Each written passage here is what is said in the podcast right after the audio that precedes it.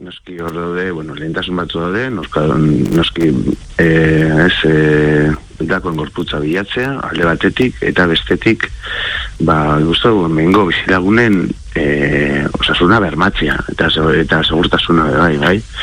Orduan, hor, ba, informazio nahi dugu, baina batez ere nahi duguna da, e, azterketa batzuk egitea, bai, azterketa, bai, urana, airearena, eta hemengo, ba, lusaiena edo baratzena edo hortuena, bai, bizkat jakiteko, zen olako nola dauden, bai, zeren baintzuten dugu, bai, era mm, ermuko ez dakin nun edo ibarren da bizera e, airea neurtzen, baina kontxu, hemen gaude gertu, bai, hemen daude baserri batzuk, bizi, daudera berreun, metrotara, eta ona ez da torrinor airea neurtzera, Orduan, gugodorekin, ba, pizkat, e, azerre, ondo dago ermuan, eta ibarren urtzea, jende asko bizi dagoz, baina hemen izkuia dauzkagu ere, eta gertukoen nik uste, ba, bertare torri da, e, aiaren kalitatean neurtzea, eta gero bestetik, e, gara, atzo batzarrean, jendia zegoen, inguruko baserriak, oso gertu den baserriak, kamen, ura leku ezberdinetatik hartzen da, ba, pizkat e, baserrien arabera, ba, toma ezberdina daude, eta batzuk ba, orako akuiferoak eta horti daude, hor inguruan. Orduan, atzo bertan zegoen e, baserritar batek, e, zaratzen zegoen, ara, e, zarret hori nor, ere, e, bere uran kalitatea mm, neurtzera, eta bere, ba, segurtasuna bermatzera, e, jarraitu alduten edaten, eare jarraitu aldugun hortuko e, bastakit e, produktua jaten, eta bizkat horko e, azterketa batzuk eskatzen ditugu oraintxe bertan, oraintxe bertan egitea, eta eta gero ere bagomindu batzuk ematea. Batzuk atzo, zeuan hemen kamera bat, e, ba, hori maskaria batekin, e, ermuko, ustakizenik udaltzainak ikusi dituela, e, maskariakin e, langileak da izena bertan baita eta guri hemen ez dugu inorri inongo ba, e, gomendiorik eman. Orduan, bueno, gaude pizkat e, galduta. Entzun dugun gizon hau, e, zaldi barko Oscar Morales da, zaldi barko bizilaguna eta gaur e, naiz irratian egindako adirazpenak entzun ditugu, hemen hasten da gaur egur. Guten Tag, meine Damen und Herren. C'est la lutte contre le terrorisme.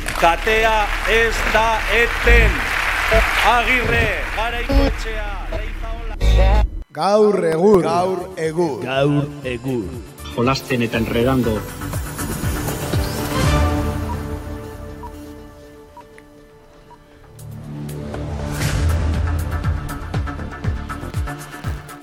Bueno, arratsaldeon entzule, maite, eta arratsaldeon zuri ere, zuei ere, lagun, lagunok. Bai, arratsaldeon. Gabon den hori, bai. Bai, eta, bueno, e, aurtengo, e, bueno, aurtengo, ez, denbora aldiontako amagos garren irratxa joa dugu, amagos garren, eh? Bai. Zenbaki borobilak asko gustatzen zaizkigunez, e, aipatu egin behar. Bueno, kontu zikina, benetan zaldi barko zagortegiarena, inoiz baino hobeto ekarria zikina adjetibo, eh? Ba, jo baietz, jo baietz. Eh? Zikina bezain lotxagarria, ez? Ordu ontan, bintzat. Bai, eh, esan eh, gaur goizer arte ez dutela jaurlaritzatik inongo adirazpinek egin. Eh, ja, atzo ikusi genuen eh, Josu Erkorekan botora igozela, eta bar, baina honi buruz egiteko ez zuten erabili esare sozialik, ez bestelako komunikabiderik. Eta gaur goizean e, Estefania, gure Estefi maitea, e, Beltran de Heredia eta Iñaki Arriola agertu dira honi buruz egiteko. Eta azken ordua da, ba, jakingo duzuenez, ino gurkuiu gere adirazpenak egin ditula gaur erratxaldean, ba, hauteskundeak aurreratzen dituela esateko, ez da? Apriaren bostera uste dut ez, igandea. Hori da. Arraro, igandea izate ez, hauteskunde egun, aurten ez. bai, bai, ez da, normalen ez da, hori da, eh? aspaldi, aspaldi bozkatu gabe, ez da? Hori da e, ba, kontua da inegurkuluk, e, inegurkuluri galdetu diotela zaldi barko estripuari buruz, ez da, jogei gustatu, baina, bueno, pentsatzen eta horrek usten zuela galdetuko ziotela, ez? Eta esan du e, alde batetik, bi gauza esan ditu batetik, bere estiloa ez dela ondamendi natural edo lan estripu bat gertatzen dena, han bere burua erakustera azaltzea. Hori esan du lehenengo eta behin. Bai. Eta bestetik ostegunetik bertati daukala krisi maia martxan jaurlaritzak arazo hau bideratzeko.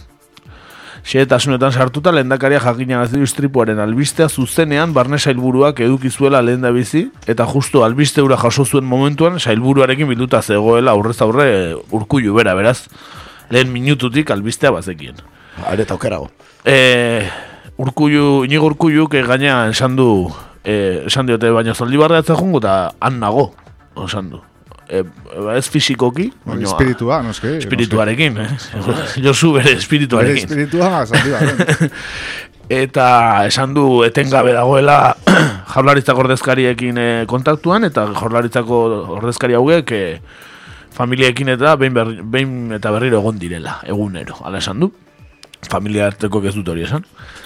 E, aurreratu prentsa aurrekoaren ostean, e, ba, gaur atxaldeko bostetan bilduko zirela jarraipen batzordea egiteko, E, lehendakaria buru egongo direla, ego egon direla Bizkaiko aldun nagusia, jaurlaritzako lau sailburu e, eta ingurumen sailburua e, Bizkaiako e, foru aldundikoak eta baita Zaldibar Ermua eta Ibarko alkateak ere, hala esan du. Bueno, benetan e, kontu zikina eta gaurkoan e, ez dugu denbora gehiagin eman hori prestatzeko beraz. Badago zertaz hitz egin eta agian datorren astean edo ikusiko dugu bilakaera zein den, e, seguru hitz egingo dugu honi buruz. Bai, nik uste luzeako joko dela asunto honek, eh? gaina oso, oso pinta txarra dauke. Bai, eh? bai, bai, implikazio gutxi instituzionaldetik, Ba, gauzak atzean, eskutatzeko... e, bai, eskututa, eskututako gauza asko, ez da? Gero amiantoare irten da.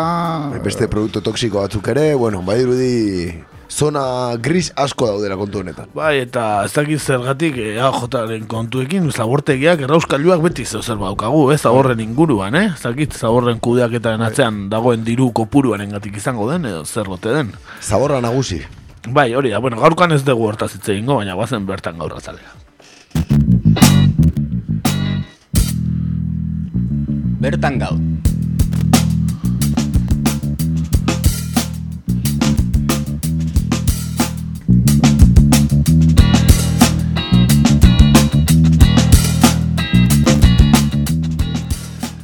Aurrera esan bezala, eh, bertako kontuekin eta bueno, ba hasi da, bai Iruña Beleiako aurkikuntzei buruzko epaiketa Gasteizen, Arabako Foru Aldundiak Eliseo Gilen Oscar Eskribanoren eta Ruben Zerdanen aurkako salaketa jarri eta amaika urteren ostean Eta bueno, bada garaia kasu honi buruz gaur egurren ere hitz egiteko badagoelako zer kontatu, ezta?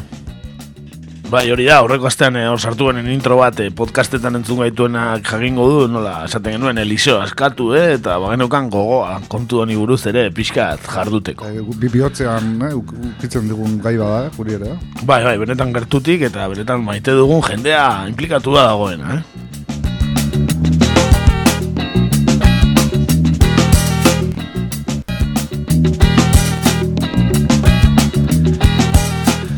Aurreko astean jakin dugu, Oscar Escribano lurmen enpresako geologoak hitzarmena egin da daukala akusazioarekin, aitortu du andorea, ondarea ondatu zuela eta urtebeteko kartzela zigorra jaso du. Gainera, irureun euro ordaindu beharko dizkio Eusko Jaurlaritzarik gizarte erantzunkizunagatik eta irureun euro aldundiari. Ez du espetxera joan beharko, akusazio partikularrak, hau da, Arabako foru aldundiak, hiru urte eta bederatzi hilabeteko kartzela zigorra eskatzen zuen eh, eskribanorentzat, eta fiskalak hiru urtekoa. Horrez gain, berreun da larogeita mila euroko kalte ordaina eskatzen zioten. Eliseo Gilekin batera, pagatzeko.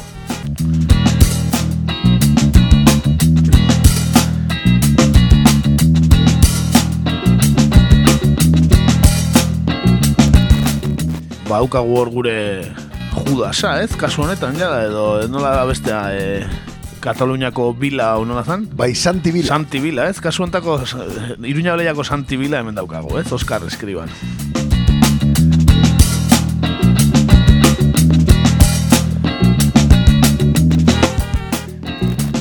Ba bai, euskararen historiari eta aintzinaroari buruzko ikuspegia eraldatzekoak ziren ezoiko aurkikuntzak ezagutarazi zituztenetik amala urtera, Arabako foru aldundiak epaitegian faltsutze salaketa formalizatu zuenetik amaika urtera, eta bederatzi urteko instrukzio fasaren ostean, hasi da Iruña Beleiako aurkikuntzei buruzko epaiketa hau. E, gazteizko lehen zigor salan, e, egingo dituzte hauzi saio hauek, amar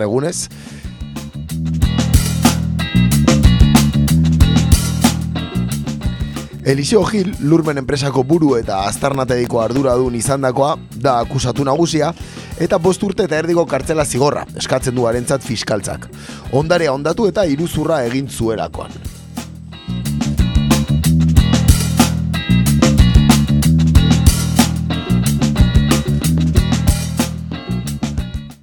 Epaiketen atarian, e, Gilek berak adirazizuen errugabea dela defendituko duela epaiketan eta horretan ari da. Eta horretarako gogoz dagoela ere esan zuen.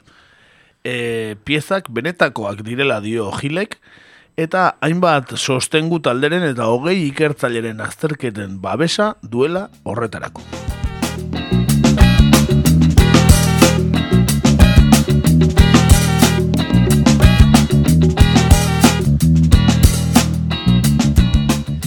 Epaiketaren arira Gilen eta Eskribanoren defentsek absoluzioa eskatuko dute eta piezak benetakoak direla edo behintzat benetakoak izan daitezkera erakustea izan daiteke hori lortzeko bideetako bat bide zaila benetan, ezta?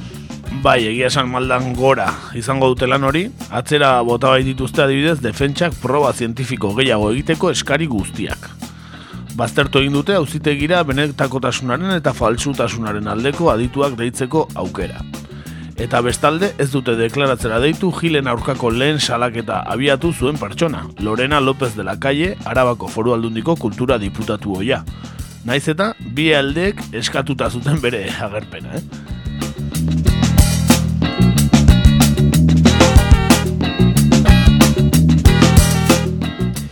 Esan beharra dago ere, faltsutzeak egon diren beste aztarnategi batzuekin alderatuta, bereziki handiak, direla Iruña Beleiako kasuko eskariak. Gilek beti defendatu lurmen enpresak egindako lana eta aurkikuntzen benekotasuna. Egi esan, ez, txostenetan, bueno, zalantzak zeuden, ez, eta, bueno, gainera dirudienez egindako txostenek zalantza asko ere zabaldu dituzte. Bai, ba, adibidez, e, Irunia Beleia argituko elespuruk, e, liburu bat e, atera zuen, e, liburua zer ari da gertatzen Irunia Beleia, no, que pasando con Irunia Beleia, izenez, eh? norbaitek e, jakiminia bali maduka. Eta, bueno, e, lurmenen ustez eta aurkikuntzaren benekotasunaren aldeko taldeen arabera, e, ikerketa egiteko erabilitako metodoak ez ziren egokiak izan. Eta ondorioz, datu horrek ere ez du ezer esan nahi. Diotenez, garbiketa gunean erabilitako metalezko lanabasek utzitako arrastoak izan daitezke metal horiek edo piezekin kontaktuan izan diren ikertzaien tresena bestela. Liburuan zehazten denez, nahikoa baita aurkikuntzekin kontaktuan izan direnek hartzean urrezko eraztun bat eramatea ikerketakaren partikulak aurkitu izateko, eh? Osa, pixkat, eh, ez, kontutan hart- hartzeko, ba, beste bi ikerketare baitu epaitegiak eskuan, eta lespuruk liburuan gogora duenez, e, erradiazio ultramoreak baliatu egindako argazki digitalak ditu oinarri aietako batek, eta izkera zientifiko nahasi xamarrean idatzita dagoen arren, filologaren arabera ez du ondorio, ondorioztatzen piezak faltsuak direnik. Eta bada beste ikerketa bat ere, Madrilgo kultur ondaren zaharbe, zaharberritze eta kontserbaziorako goi mailako eskolak egindakoa, eta proba gehiago egiteko beharra azpimarratu dute txostenean kasu horretan. Gero, e, lurmeneko arduradunek beti argudiatu dute arkeologoek diotena ez dela egia, eta badirela piezak lurretik idazkiekin ateratzen ikusi zituzten langileak.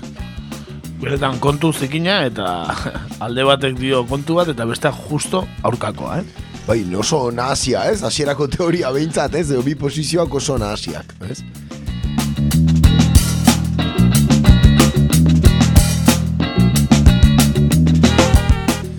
Baina, bueno, badago kontu hontan beste ari mutur bat, bai, eta hori da e, zerdanen paperarena, ez da? Bai, hiru urte eta erdiko kartzela zigorra eskatzen du arentzat arabako foru aldundiak, eta bi urte eta erdikoa berriz fiskaltzak. Iruzur egitea egozten diote, ama bimila lareun da larogeita marre euro ere eskatzen dizkiote. Gilekin batera ordaindu beharko lituzkenak. Akusazioaren arabera, ark ere bere partea jaso baitzuen. Gilek etxipena azaldu izan du zerdanekin fidatzeagatik, baina arkola, arko, arkeologoak kontatua duenez, hasieran aldundiak berak proposatu zion zerdanen gana jotzea. Zehaztu duenez gainera, aldundiaren diru guztia zerdanek jaso zuen, eta ez Eliseo Gilek.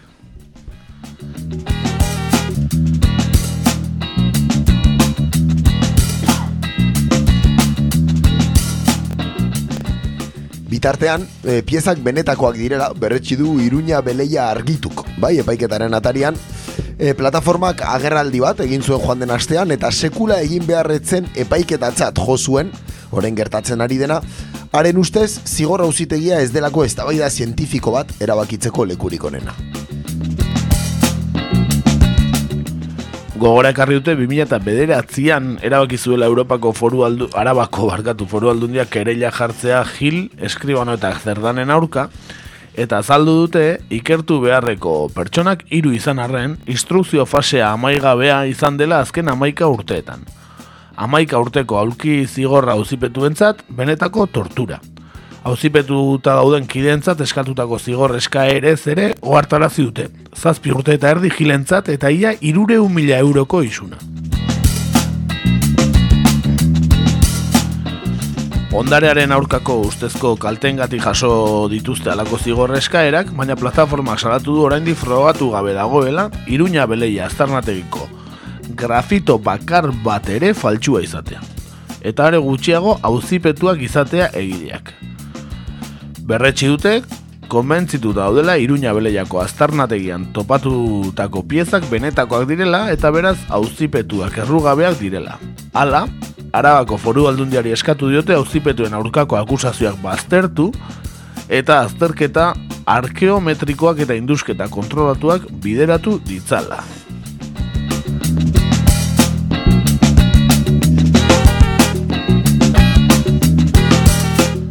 Bueno, benetan kontu nahasia, benetan. Bai. Eta gauza asko daudena hemen atzetik, ezta? Aipatu, beste ondan aipatu egula, e, Iruña Beleia argitu plataformako kide bat, e, elkarrezketatu zutela lehen urtean sokaren itzala irratxa joan, eh? kakaintzanako irratxa joan. Eta, bueno, bastante esplikazio eman zituela norbaitek e, nahi badu beraien argudio eta gehiago jakin, e, horrere bauka iturri bat, eh? Mhm, bai, bai.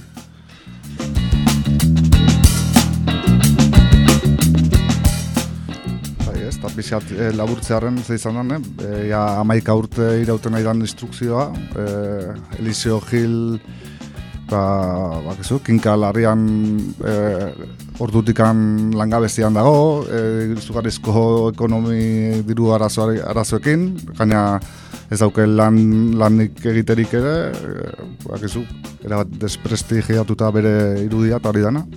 E, Eta bueno, pizkat eh, kronologia bat ingo dugu, eh, Iruña beleia afera guztia hau ze, ze izan da, ea labur labur esaten duen, ez?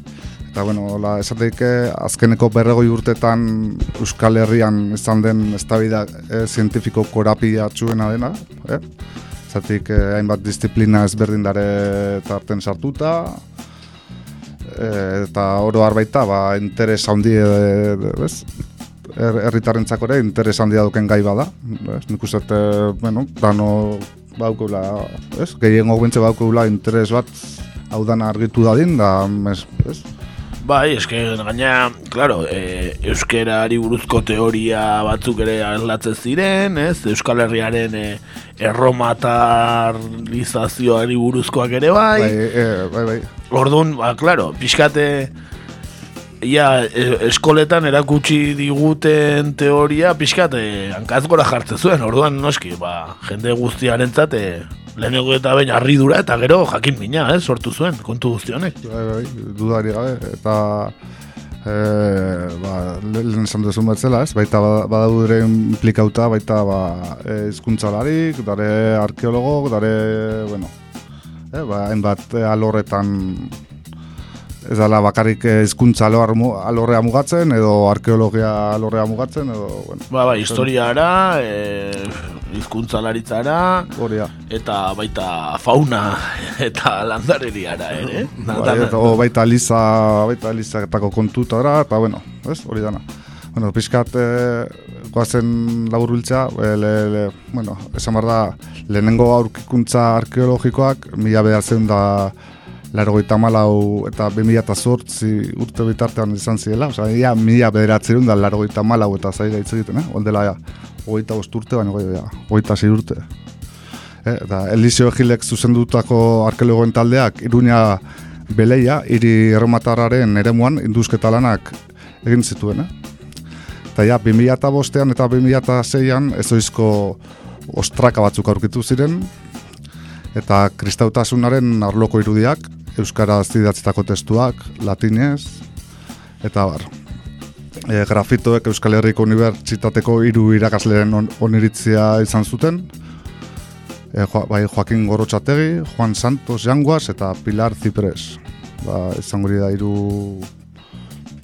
katera daun, edo, bueno. Bai, Joaquin Gorotxategi bintzen du bastante zaguna, ez, Euskararen e, kontuetan. Bai, lengo azten Euskal Telebistan eukizuten bai programa baten, bai. Oni, afera hori... Oni buruz izketan. Eta bueno, e, ondoren ja, ikerketa batzorde bat sortu zen, eh, 2008an, foru aldundiak e, batzorde zientifiko bat sortzea erabaki zuen, aurkitutako grafito horien benekotasuna aztertzeko. Osea, ja ematen duenez, hasieratik ja batzeren susmo batzuk edo. Eta batzorde horren amabi kidetatik sortzi, e, Euskal Herriko Unibertsitateko letren fakultateko irakasleak ziren e, batzordearen osaketa etzen oso egokea izan, garai erromatarretan esperientzia handiko arkeologorik etzegoelako, eta batez ere, datazio arkeometrikoetan esperientziarik zuen kide bakar bat ere etzegoelako. Zientzien aloreko kide bakarrak, Fernando Legarda ingenari nukleara eta Juan Manuel Madariaga kimikaria ziren. Gero, ja, bueno, e,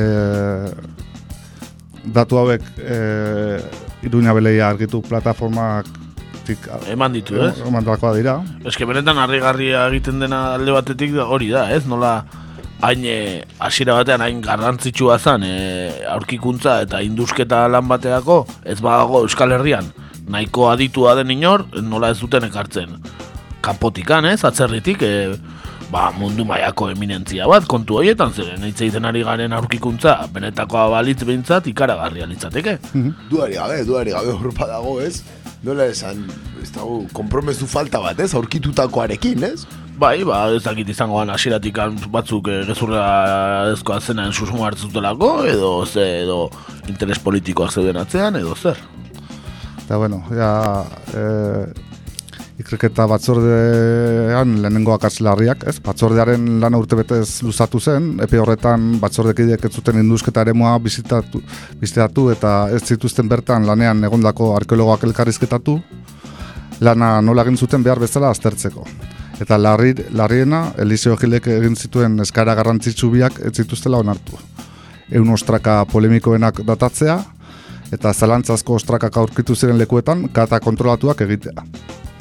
Esan beharra dago, bibi aukera hauek edo eta auditorioa arkeologikoa egitearena, e, gai hau zientifikoki harritzeko zeuden eta tresna bakarrak direla, ez? Osea, hori da, e, inbarra zientifikoki, inbarra da un prueba bat, nik ez dut entenditzen, da arkeologoa, baina... Eta ez da inoiz egin, hau da, ez daude datatuta pieza horiek. Ez daude datatuta. Hori da, esaten dutena defentsaren argudio hori da, ez? Ez dagoela probarik ostraka horiek faltsuak direla, ez? Baina, baina, amaika urtetan inorkestu datazio protokolo bat martxan jarri? Guzti, epaiketa honetara iritsi aurretik ematen du, ez dakite, ni ez naiz ez jurista, ez arkeologoa, baina badirudi oso gauza arrunt badala, ez? Datazio bat eukitzak gero epaiketan behintzat, e, atera alizateko, ez? Ez hori da kontua, ez? Epaiketa biegunetan bukatuko litzateke, e, proba zientifiko horiek egingo balira, ez? Esango, lu, bai. esango balute. Ja, baina nola, proba zientifikoak egin ditugu, eta, eta hauek denak faltsua dira. Baina nola, claro. lehenengo ontzen lari horiek, esan zuten, e, ja, behaintzak sospetxagarrik zela, e, ba, bai e, artikuloen asunto horiek gaitik, e, ba, garai hortan... E, idazkera mota hori zinezkoa zela, eta, bueno... Bai, gero beste batzuk elefante baten marrazkia dagoela, esate zuten, ez? Deskarte esitzare esate zuten... Bai, hori gero aipatuko dugu. Eta, ba, badirudi, ba, beste evidentzia batzu gaitik, ba, ez diela iritsi datazioak eta egitea, ba, behaien ustez, ba, ba, arrazoi batzuk handiagok, ba, ez, ba, ez daukutena beharrik, datazioak iteko ere, ez dakit hori da iruipena. Eta git oso gareste izango da, ez da dirurik egongo, ez da git, dana HTA entzako izango da dirua, eta ordune ez dago dirurik horrelako proba zientifikoak egiteko, ez da git, holako zeo zer, izan daiteke.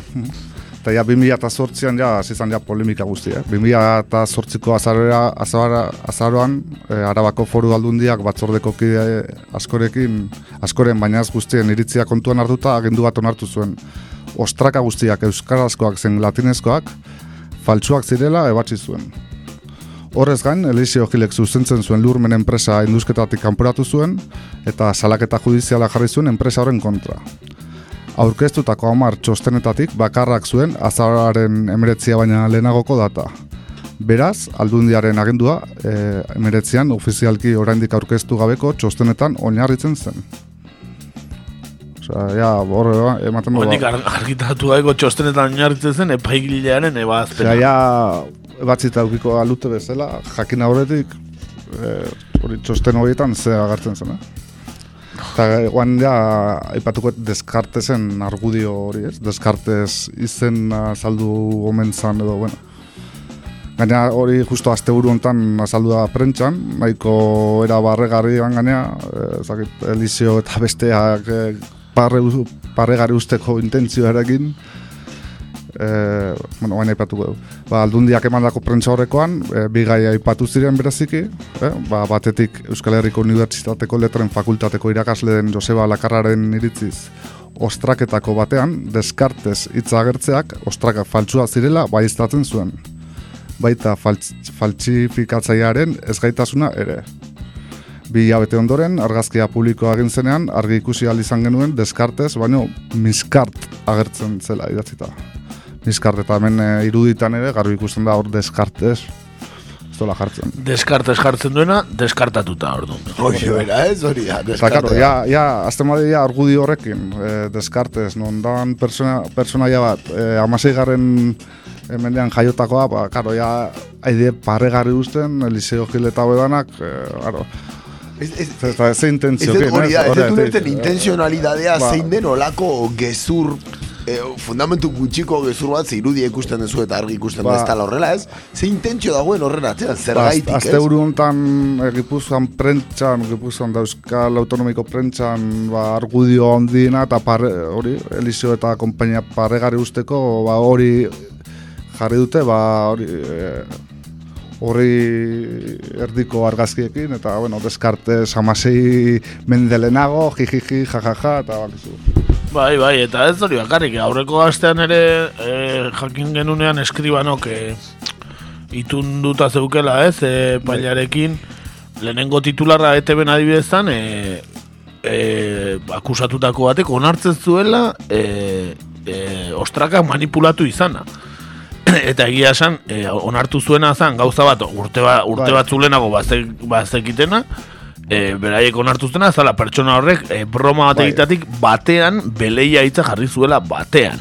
Bai, bai, Bai, baina hori aspaldi onartuta zegoen, eta hala ere orain bai e, karikaz, bai, e, titularra ez da e, batek irudia eta batek onartu du e, ostrakak manipulatu dituztela eta ez da egia hori ere orduan hor atzean zer dago?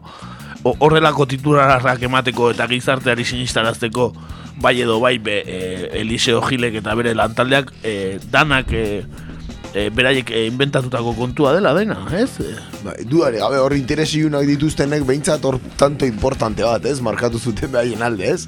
Eskribanoren kontuarekin, dena den beste irakurketa bat egin daiteke ere, eta zergaitik Eliseo Gil eta beste akusatuak ez dute onartu fiskaliarekin pakto bat egitea, ez?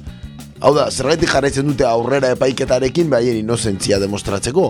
Oso garesti atera alzaienean. bai, baina beraien ohorea eta beraien e, lan karrera osoa dago ez baian, ez? Hortxe kontua, noski baietz, ez? Eta Eliseo Gilen kasuan, adinagaitik eta pasatu dituen guztiengatik, eh, lan, lan mailan igual etekin gutxi jatera alko dio, ez? Baina behintzat hori hori errekuperatzea eta bere Bai, dignidadea, ez? Zati, kantu ontarain arte, e, benetan, e, ez, e, akademikoki, e, e, karrera e, bikaina zuen gizona zen Eliseo Gil. Bo, bai, prestigio handikoa, prestigio handiko pertsona bat, eta oso, oso estimatua bere disiplinan, ez? Entzuten danez, behintzat, ez? Bai, bai, bai. Ez, ez, ez, ez lortzen arrazonamendu bat ulertzeko gertatzen ari dana, ez? Ez dut ulertzen. Interes batzuk edo marko dira. da. Entan, konspirazio handi bat, ez? Horregatik sokaren itzalak erabili, erabaki zuen eh, tratatzea gaia, eta pentsatzen dut, eh, etorkizunean ere tratatu nahiko dutela. Benetako konspirazio bat ematen duelako guzti honek. Bai, eta gero ondo, ondoren torri zan beste kapitulo bat, bai, ba, ia, ba, sineste zina ematen duna, ez? Non ondea makinak sartu zituzten, eta zuntxitu zuten ba, inguru hori. Hori gertatu zen, 2008ko ustaian, epaiak eh, datazioak egitea agindu zuen garai berean, Euskal Herriko Unibertsitateko Arkeologia Saiak, orduan induzketaren ardura hartu berria zuenak, lurmen kaleratzeko txosten bi egin, eta arkeologikoki oso aberatsa zen sektore oso bat suntxitu zuen. Ondea makina batekin, eta ba, badare irudik, eh? Osea, Ba, Hori, hori, hori bai zinezkoa. hori hori hori plataformako e, web horrian bertan dau bideo, eta bertan ikusi ikezue. Eta zer dela eta, zer gaitik? Eta gazte betez, palamekanikoa, metro eta ardiko sakoneraraino sartu ondoren, jasotako guztia eraman, zuten, zuten inolako kontroli gabe. Nora, dakinok. Sektoreko leku askotan, ondea makina etxen ar arlauzetaraino sartu zuten, baita haietako batzuk apurtu ere. Eraizpena, bideoz grabatu, interneten eskegita handi gutxira, suntxiketa prozesura gelditzea lortu zen. Zein kontu zikina guztia, hau ez dakit, agian... Eh, Hori ja da, Igual eukiko duzko jaurlaritzak eh, esaten dutena hor FBI-ko daukela area 51, nola hori hor, ez? E, benetan eh, ezkutatu nahi dituen gauza gordetzen dituen leku bat, ez? E, Akaso iruña beleia azpian egongo da, ez? Bai. Komplejo hori, ez dakit, hor nunbait eukiko du kompleju bat, e, ba, historia berak nahi duen bezala idazteko gordetzeko kontuak edo ez dakit, eh? Zeren, beretan ezinezkoa da. Naiz eta eh, demagun e, ostraka hori dana faltsu diala. Hor Baina- gauza askoz gehiago Hoxe, eta, eta, eta argi dago hor e, asentamentu erromatar bat egontzala, hori hori ez du inorrek ez baian jartzen, nola sartu daitezke indusketa makinak horra?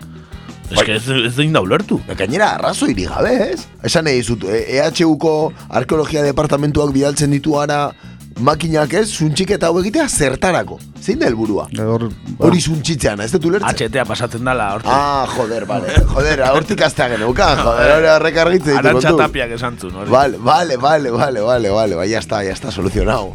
¿Ez? bai, Benetan, eh? Wow. bai, eske siniste zina ematen du, ez? Nola gaina eh, ezer argitu aurretik eta, bueno, ematen du gaina presa hundikin, ez?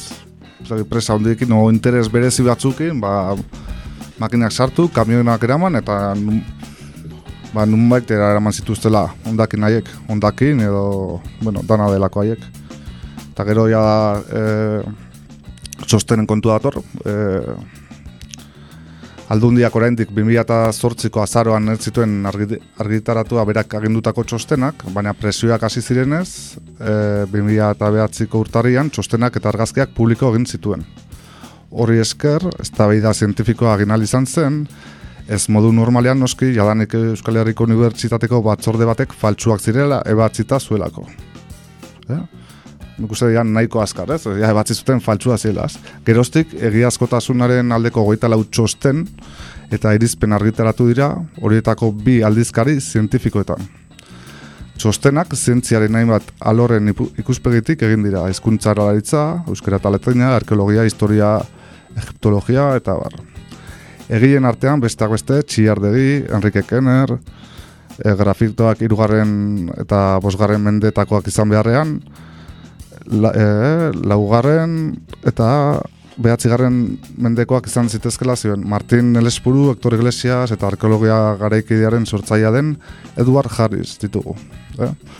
Eta txosten horietan, faltsutat hartutako ia grafito guztiak argitu dizkigute, Miskart, Denos, Dreide, gainera oso modu errazean, mundu mailako punta-puntako aditu galdetuz, hizkuntza zeltan, kultura punikoan, latin aurruntean eta antzeko induzketetako grafitoak aztertuz.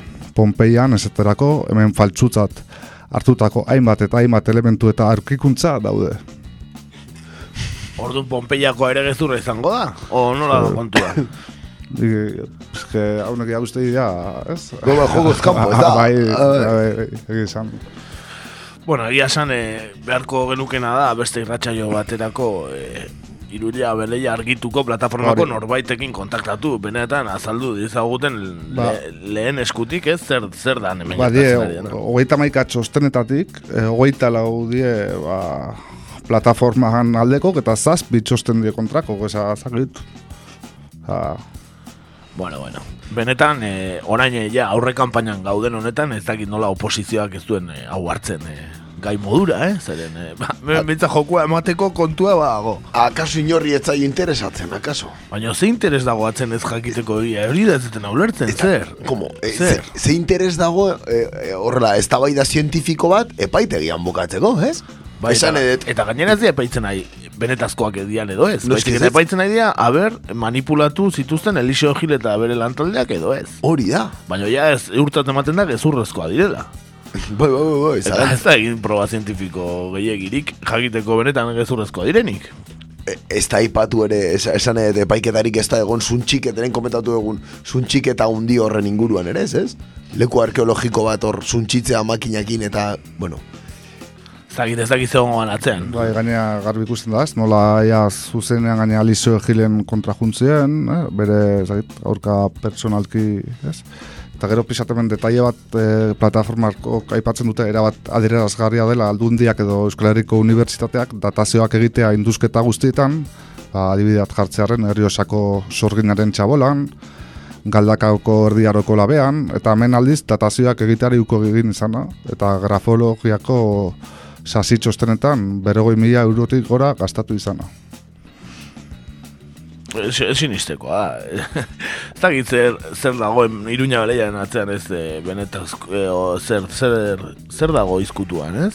Bai, eta gero, bai, zait, e, pisa, behatuko eta, e, Eli- Eliseo Gilek eh, bere burua defendatzeko epaiari datazioak egiteko, egiteko eskatu zion, eta ark 2008an onartu zizkion, eh? eta lau urte pasa ondoren, normalean bi eta lau hilabetetan egiten dira horrelakoak, em, eske ja, horre bai, ja dare oso gauza rarok, eh? E, lau urteetan e, ba, Madrilgo IPC laborategiak bere emaitza aurkeztu zuen 2008ko urte hasieran. Eta dauden ber, lareunda bergoita mak grafituetatik, hogeita meretzi aztertu ondoren, hogeita magos faltsuak eta lau egiazkoak direla diote. Esan beharra dago ez dituztela grafituak datatu. ez dutelako aztertu idazkunen gainean dauden kostrek, karbonatoak, sedimentuak, zenbat denbora daramaten. Horren ordez, gainazaletan dauden metalak aztertu dituzte eta metal moderno asko agertu dira. Lehen aipatu den eh, eraztunen adibidea. bai, kontaminazio, ez? Bai. Osea, bueno, ez dituztela egin benetazko datazio proba batzuk, ez? Eta gainea, e, ja, adibidea jartzaren bi hilabetetan beharko lituzten zeak lau urtetara entzituzten, ja oso, badare gauza oso oso irregularrak. Ba, Eta, eta gero ja, ja, pixka ja amaitzeko eta ja gentzearen, ba nola, baita, hori, nola froak, ondien e, aldundiaren eskutan, eta hori, ba, epaiketa baten aurren, ba, no, akusazioaren eskutan nola egon daitezken frogak, ez? Bai, bai manipulau, bai manipulau daizke, ez? Adik, bai ematen du, bai daukela benetako intentzioa, ez? O bauki hemen intentzionalidade bat, ba, ba hau gezurra dala frogatzeko, edo, ez? Eta nola dan posible, ba, epaiketako parte bat izan da, nola froak behai gordetzea, ez? Ma- da, gauza bat, bare, eske, Bai, bai, inkoherentzia asko dago, eh, benetan. Bueno, nik, nik uste donena egula hori, eh, iruña hori argitu zeko norbaitekin hitz egiten saiatzea, zeren, eh, bestela gu bintzat ez dugu argituko bentzer dagoen, eh? Ez nik galdu xamar nago kontu honekin, eh? Zagi ze ongoan atzean, eh, Euskal Herria zela Atlantida edo edo narrastiarren semea garela edo anunakiak egongo dira atzean, zein daki, Nor zein daki, daki. nor daki, zoze potolo dago guztionen atzean. Zerbait egon barra dauka. Hoxe bera. Ikusiko dugu, aber ze, ze, ze argitzen diguten, ematen du epaitegitatik ez dela ezer honik etorriko, hori garbi daukegu, eh? Bai. Eta ba, ezakit, gure aldetik Elise hori elkartasuna handiena, eh? Elise hori eta bere ekipoari. Bai, bai, ez da eskubidei.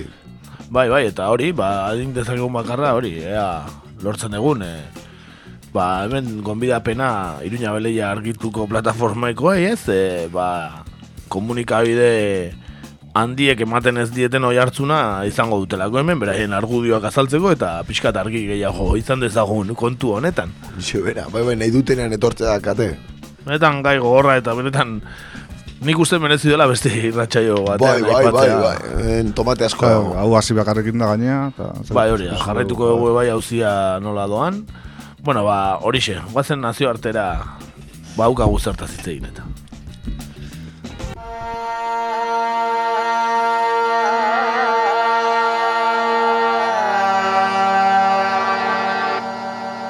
Nazioartean gaur.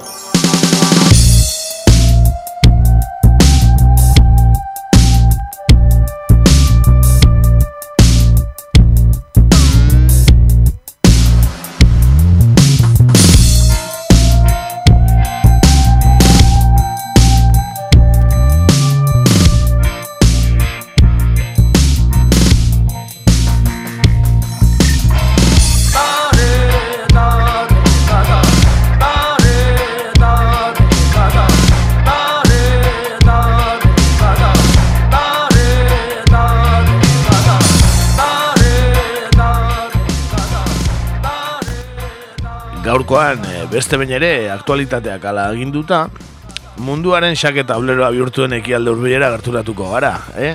Sorpresa, toki berri bat, eh? Toki berri batera. Hain orketzuen espero, ez da? Ez.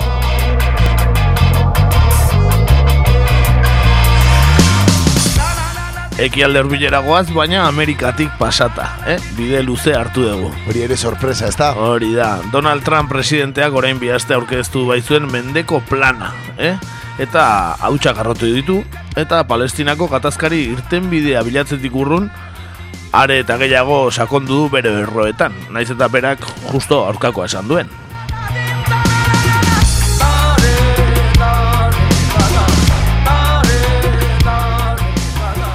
Bueno, ba, pla- plan hau zer den eta izan ditzaken ondorioak aztertuko ditu gaur kontan, baita ere orain aurkeztearen erabakiaren atzean dauden ba, balizko interesak ere nola ez badaudelako interesak eta seguru aski ziondarrak izan daitezke.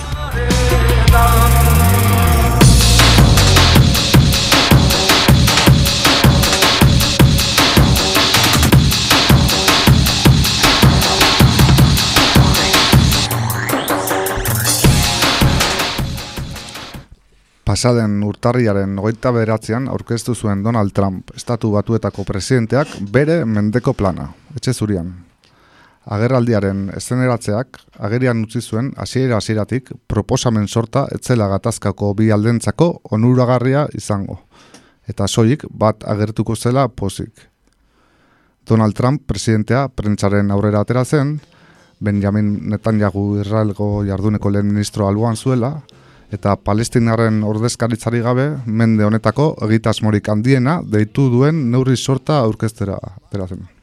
Ha sido un proceso largo y, y arduo para llegar a este momento. El domingo le entregué al primer ministro Netanyahu mi visión sobre la paz y la prosperidad y un futuro mejor para los israelíes y los palestinos.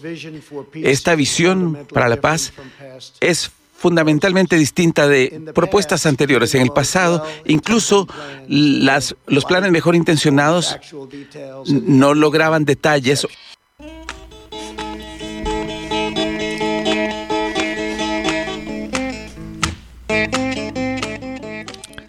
2017ko otsailean Ameriketako estatu batuetako presidente kargo hartu eta iabetera, Trumpek bizkarra eman zion bi estatuko irtenbideari.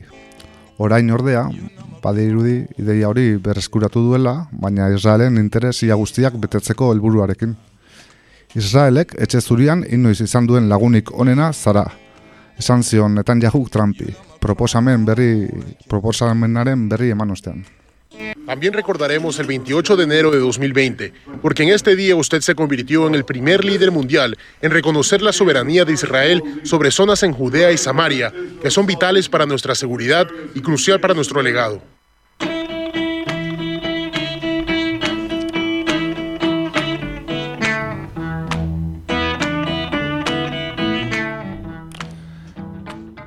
E, etxe zuriak hiru urte behar izan ditu proposamen sortari ospa, osatzeko, baina jaio eta berehala hiltzeko arrisku handian dago.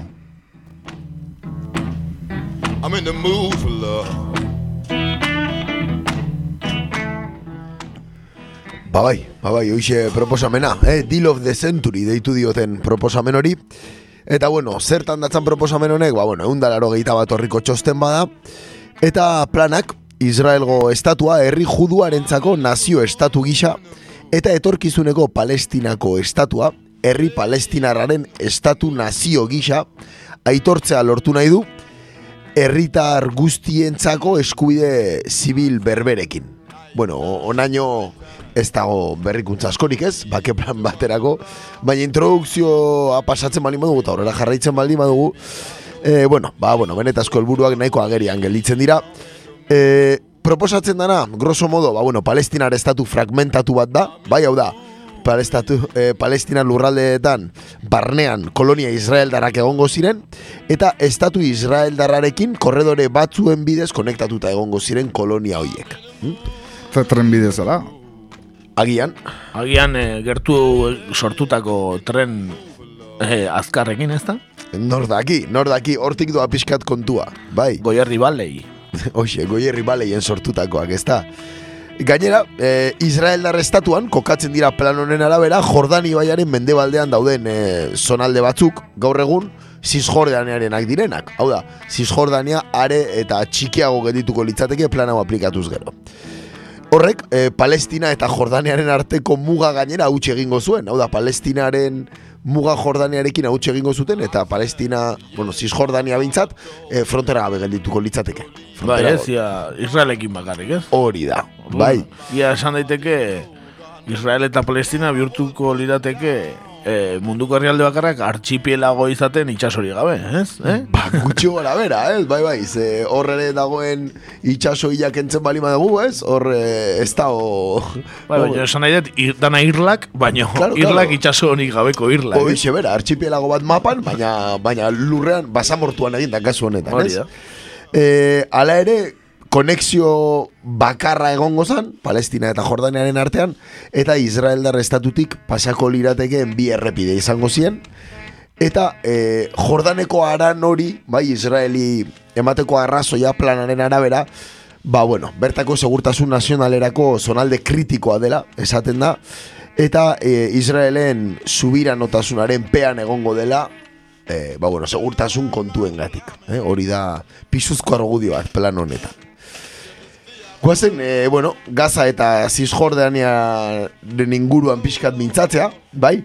E, hau nahiko sineste zin ematen du, baina Israel azpitik eraikiko litzateken, ba, bueno, tunel batek eh, lotuko zituen, Gaza eta Cisjordania, eta planak dio azpiegitura hauek, ba, palestinar lurraldean, barrena mugitzeko onura nabarmena, suposatuko dutela, e, batez ere lan kontuetarako edo familien arteko desplazamentuetarako. Hau da, gazatik zizjordaniara lurrazpitik bakarrik junalko litzateke. Donostiko metroa bezala, igual, igual. Gutxi gora bera. Bai, hoxi izango zan plana. E, gazara gerturatzen baldi magea, e, planak e, lehenengo gauza, jamasek gobernatzen duela gogoratzen du, eta Israelgo segurtasuna bermatzeko, ba, bertako urak, de facto, Israeldar estatuarenak izango ziren, planaren arabera benetan ur jario handiko lurraldea zari gara gainera, eh? Bai, bai, gaur kosta daukate, baina dentrada esaten dute kosta horretako ur guztiak Israel darrak izango direla, eta hortaz, segurazki, ba, gazako barkuek itxasontziek ezingo dutela bertan arrantza egin. Hori da, planaren, bueno, eh, asteriskotan agertzen den klausuletako bat edo, ez? E, ala ere esaten dute gazan ez direla hobekuntza nabarmenak egongo, Israelekin zueten bat egon arte, jamasen desmila, desmilitarizazio oso bat egon arte, eta gobernuak nazioarteko komunitateari modu seguruan inbertsioak egiten utzi arte.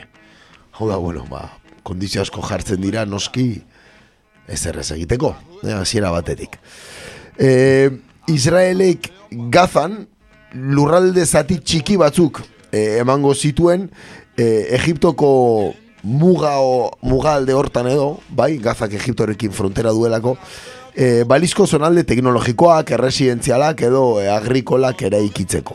Bai, baina, Gaza eta Egiptoren arteko mugak Israeleko armadak kontrolatuko luke, orain arte bezala. Beraz hoxe Gazarentzat, bai, eh, planean eh, komentatzen dana, Jerusalemen ingurun edo Alkutzen inguruan, bai, eh, etxe zuriak dio Jerusalem Israelgo hiriburu mantenduko dutela, bai, planean eh, horrela agertzen da. Eta eh, hiri bateratua mantendu behar dela, segurtasun kontuengatik, leku sakratu guztiak gainera Israel kudeatuko lituzke, bai, bai judutarrak, musulmanak, zein Kristauak. hori da. Bai, e, hau da, orain, orain momentu honetan dagoen status quo edo, ba, mantendu egingo litzake, zentzu horretan, ezer berri. Palestinako ez, balizko estatu horren hiriburuaren inguruan, claro, nun izango da hiriburua, Jerusalem, Israel darra baldima da. Bueno, ba, planteatzen dute Jerusalemen ere kokatzea, baina e, segurtasun arresitik kanpo. Hau da, Jerusalemeko suburbioetan edo kanpo aldetan. Zonalde berrian. Hori da.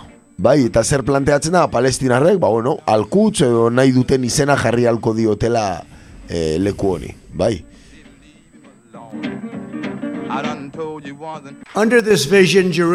Jerusalén seguirá siendo la capital indivisible de Israel.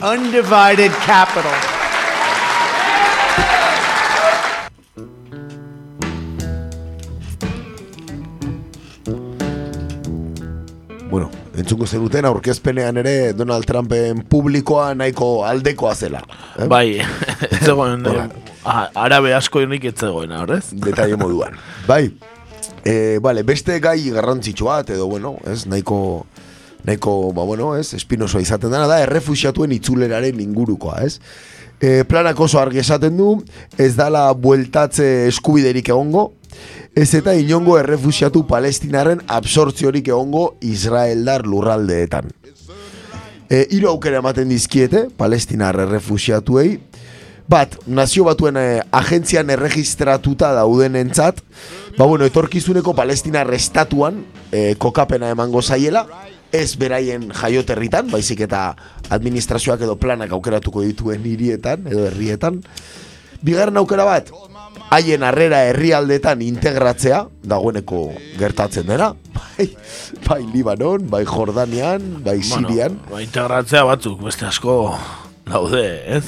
Kontra? Errefusiatu zelaietan. Errefusiatu- Hori esanet, eremuetan, esan nahi Eremuetan, duena, ez? le, herrialde horietan ja, integrazio bat komila tartean, ez, gertatu ala, Jordanian batez ere, ez, errefusiatu kanpamentuetatik kanpo palestina errasko bizi da, ez, eta...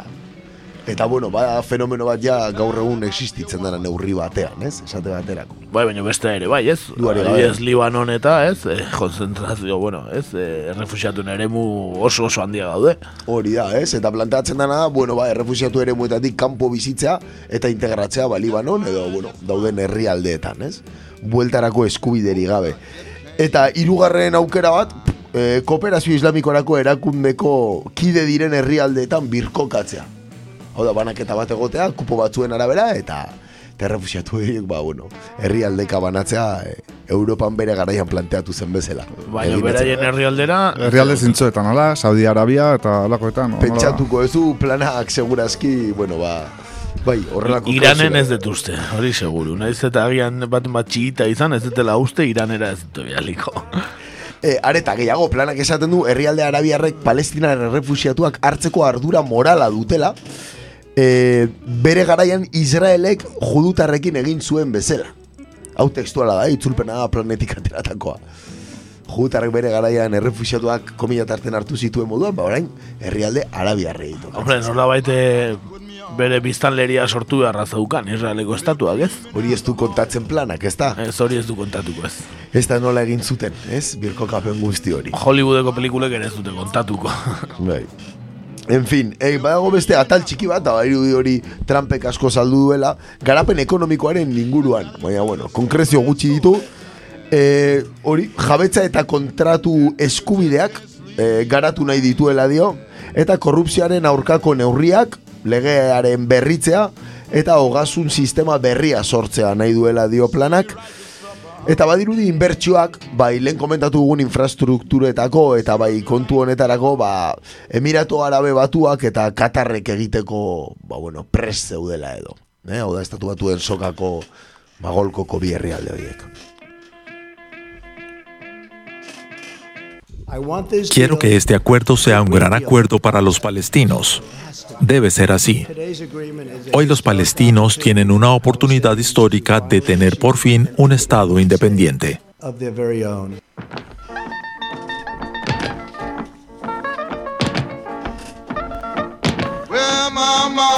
Una oportunidad histórica, esatu Donald Trumpek, eh? Bea, Donald Trump egiten duen guztia da historiko. Eh? Bai, de hecho, eh, prentxaurreko hasi zuenen esan zuen, neri ez diate bozkatu gauza txikitaz arduratzeko, ez ni gauza hundiak egitera etorri naiz, ez?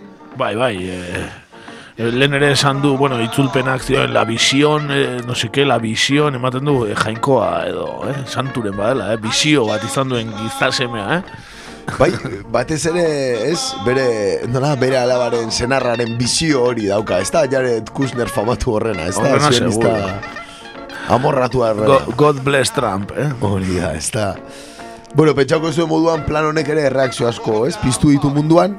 E, denetarik egonda, bai? E, bueno, azteko Mahmoud Abbas, bai, e, palestinako, ba, bueno, ez? Presidentearek egindako adierazpenak. Mila aldiz ez esan zion planari eta plan hau ez dela pasako esan zuen lehenengo momentutik.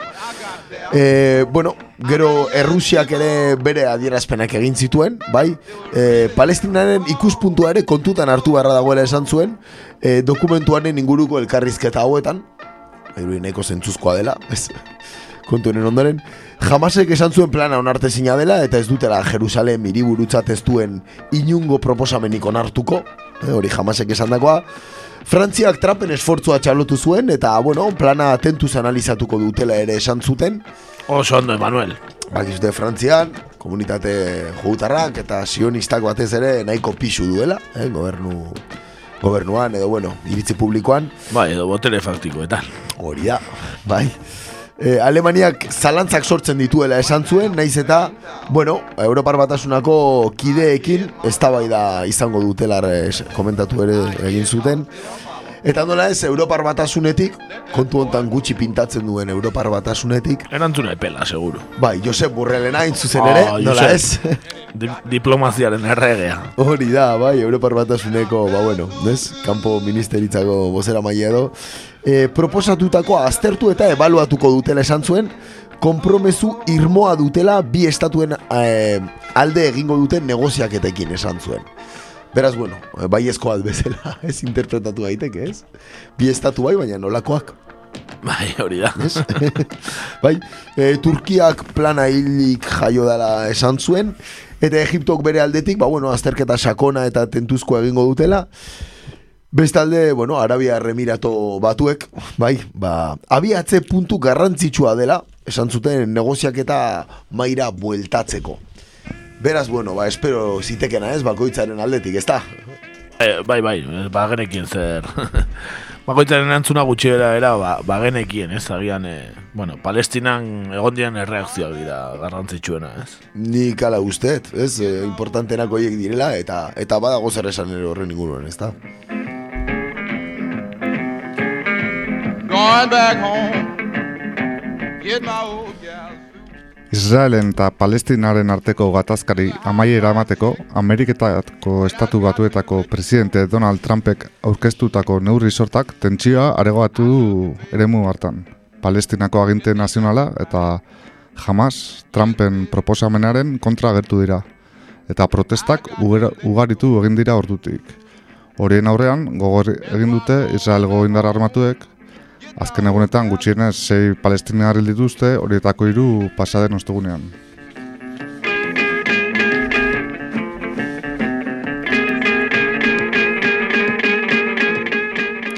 Eta protestak etengabeak izaten ari dira Palestinako lurretan, batez ere Gaza eta Israel arteko mugan, Palestinako miliziek hainbat jaurtigai bota dituzte Israelera eta Palestinako lurretan bombardaketak eginez erantzun du Israelek. Israelgo soldaduen eta palestinaren arteko borgak ere izan dira tartean, horietako batean, Cisjordaniako Jenin irian, Israelek okupatutako eremuan, Israelgo soldaduek emeretzi urteko gazte bat dute, etxe bat eraiztearen aurkako protestan izan da eta beste zazpilagun ere zauritu dituzte. UAFA, Palestinako albiste agentzia ofizialaren arabera. hiri berean, ere, hil dituzte palestinako poliziako ofizial bat ere, eta Israelgo armadak egoera nazi batean gertatu dela argudiatu du. Eta ez du tiro egin izanaren arrazoirik eman. I, esango zion, eh? eh? Tiroak ez, segurura, bai, baina... Ala izaten da, ez? Galdu, bala, gal, galdutako ba- balako, ez? Baina, bueno, Israelen al... Bala galduako. Israelen eh, era bat aldeko plan bat aurkeztu du estatu baturako presidenteak, eh, protestako dira eta bi palestinarril dira. Hori da, ez? Hori da. Bai, bai. Irabazi alde guztitatik, Israelek, eh, dirudienez. Bai, bai, irabazi alde guztitatik, kasu hontan, ez, bai, irudi, bueno, planak ez, bueno, aurkezpenean, bai, egindako proposamenetan, bueno, ba, ba sionismoaren, ez, eh, erbindikazio asko hartzen dituela bere gain, ez, azkenean, ez? Zizkordeneko eh, territoria gutxitzea, koloniak eta Israelen arteko konexio hori, ez, eh, are eta handiago izatea, Eta gero egia ere, ez, Palestina rauziak, ba, ba bueno, indar desente galdu duela, ez, azken urteetan batez ere, zonalde horretan gertatutakoen gatik, ez? Ba, kasu Siriako gerra izan delako, ez, Irakeko gerra ere izan zelako aurretik, eta baduri Palestinakoa dela beti hor dagoen kontu bat, ez? Bai, eta ez bakarrik inte, e, indarra galdu duela nazioartean, baita, bueno, ekintzaile, nazioarteko ekintzaien artean ere, eh, ja ez daude lehen egon zitezken protestak edo, edo elkartasun e, keinuak eta bar, ez? Ez zalantzari gabe, ez, eta badirudi horrek ere, ba, bueno, faktura pasatu duela, eta Trump oso abila da kontu hauetan, ez, hauteskundeak ditu aurten, Hori esan man, ez du niretzako lobby sionista guztia irabazteko eh, plan bikaina hau Donald Trumpen partez. bikaina, eh, bake plan bat aurkeztu du alde batetako presidentea bakarrik eraman, ez? Imaginatu noraino iristen dan, ez? Olako bake planik ez dut ezagutzen nik, eh? Ba- Increíble. pla- Bake plana baino errendizio plana da, eh? Hori da, bai, bai, bai, ba, unilaterala izan da, ez? Bake plana azkenean, ez? Israelekin paktatu du eta aurrera. Bueno, azkenean estatu batuetako iritzi publikorako, ez, bere txeko iritzirako balio dio, guztionek. Bai, bai, Nobel bakesaria eman diezaiokete. Honegatik bakarrik, ez? Bai, bai. Gutxiago batik eman zioten Obamari, ez Hori da, hori da, hori da, horregatik. Ez, eh, Orduan, ba, bueno, hortxe, hortxe kontua. Bera, baki elektoralki oso ondo, ez? Aterako zaiola, segurazki. Eta badaki ere, e, ekialde hurbilan, ba, bueno, ez? Israeli mesede egiten diola eta indartzen duela Israelen postura politikoa. Bai, bai, eta betirako eh, aliatu bat daukala nazio artean, ez edozein aliatu eta ez edozein tokietan dagoena, eh? Eta, eta kontrakorik ez daukala. Ez daka, ez daka kontrakorik. E, gainera, hori, e, Arabiar Ligako erreakzioa iritsi zen, baina baina berandu iritsi zen. Plana aurkeztu eta bi egunetara okerrez banago eta nahiko, nahiko epela. Bai, planaren kontra bai, baina bueno. Ez dagoela, e, ez, aratago hartzeko neurririk ez horrelako, bai, intentziorik ematen duenez, ez? Bai, eta baita zu- zuzen, zuzenean ematen du implikauta daun Jordaniak, ez, haik bere lurre ere muy batzu ere zuzenen afektatzen dio guztionek. ez? Du ere Eta bai, bai, bai. Eta ez du reakzionatu gola, ez? Ez, ez, bastante pela izan da ere Jordaniaren aldetik, eh, hori analizatzeko, tentuz irakurtzeko plana, kontutan eh, euki Jordanian poblazio palestinoa handia dagoela.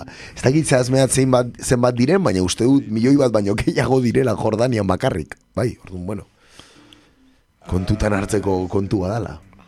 Bai, bai, eta, bueno, eske, esaten duguna, ematen du, ja, palestinarekin ia inorrez dagoela, eh, ga- garai hauetan, eh. Eta Donald Trumpek, ba, albidetzen du, nahi duen egiteko edo, edo bere alabaren senar famoso eh, nahietara, gu, eh, ez, makurtzeko. Bai, bai, hortxe, hortxe kontua. Beraz, ba, bueno, hemen txe, eh, mendeko plana. Bai, mendeko plana, bai, e, bintzat amarka hauntakoa, bai, bai, bai palestinaren zat. Mendeko plana baino gehiago, menpeko plana, esango nuko Bai, men, menpeko edo mendeku. Hori baita. da, ez da, bai, deneta, eh, hori da, eh. Alternatiba esenteare, bai. Bai, hori da. Bueno, ba hori xe, betiko gaietako bat, ez? Baina gerturatu beharrekoa, zeren. Bera dirudi komunikabide batzuk, e, bakarrik gogoratzen dutela, ba hori, e, atentatu handiren badagoenean, edo bombardeak eta e, handiak Israelek hasten dituenean, edo horrelakoetan, ezta? Hala izaten da, ez? Oso gutxitan ateratzen da komunikabidetan ere, ez? Azken aldian, beraz, hoxe. Ba, bueno, ez tarria pixka bat eh, deskantzatzeko abestitxoa jarriko dugu. E, gure irratsaioan beti ongi etorria den artista baten e, musika ekarri dugu. Klasiko bat, bai, aurreko ostegunean iruro geita ama urte beteko lituzkena, bai, Bob Marley, egun dia, eh? Bai, eta bere abesti mitikoetako bat. da. So must travel in the war. Edo kasu honetan so must travel in the middle east. Hoxo era, eh? Bai, esatea Bob Marleyek agian palestinarekiko simpatia gehiago kizuela bere semea baino, ez? Bai. Bere semea nahiko sionista dela. Bai, bueno, eh, reggae munduan beti Ba- dago lotura bat, ba, bai. sionera bide hori, ez da? Bai, beraien bai, ba- eh, ba, ideologian, o beraien erligioan badago. Hori da. Edaten dute judaismotik, ez? Hori da. Hor- Horko adar batetik dator berez. Bai, horregatik, horregatik. Eh, nahazten dira pixka erregea eta sionismoa, baina, bueno. Etiopiako judutarren aldekoa, bueno, semeak nahiko kanpaina jaso ditu, ez? Hori boikotaren aldekoak eta, eta bueno, Israelen oso aldekoa dela esango nuke nik irakurritako adierazpenen gati, bai. Bueno, a ver, aita, ez hemen txe Bob Marley eta So Must Travel in the World.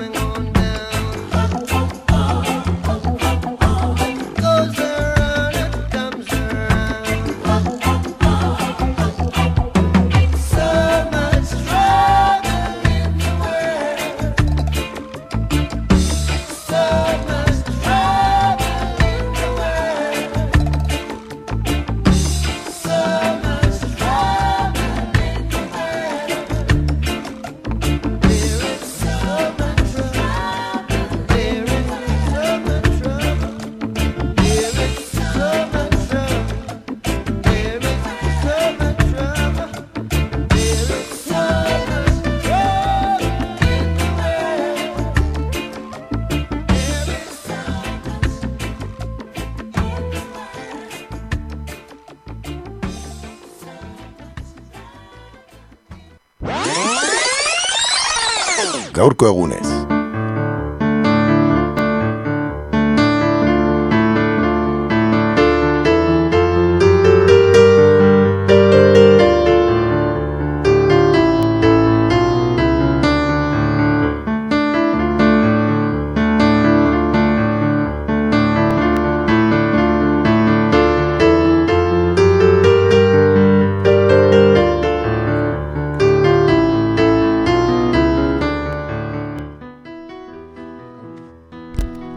Gaurko egunez, bia sortzireun da laro eta mezortziko txaiaren namarrean Bertolt Brecht idazle alemaniarra jaio zen.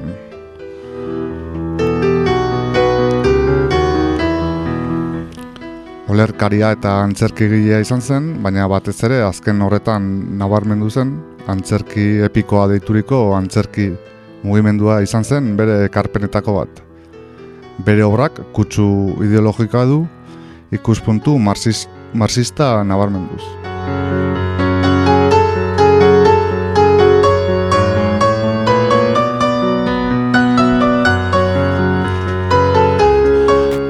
Beno, errepasatu dezagun labur-labur eh, Bertolt Brechten eh, bizitza, ezta?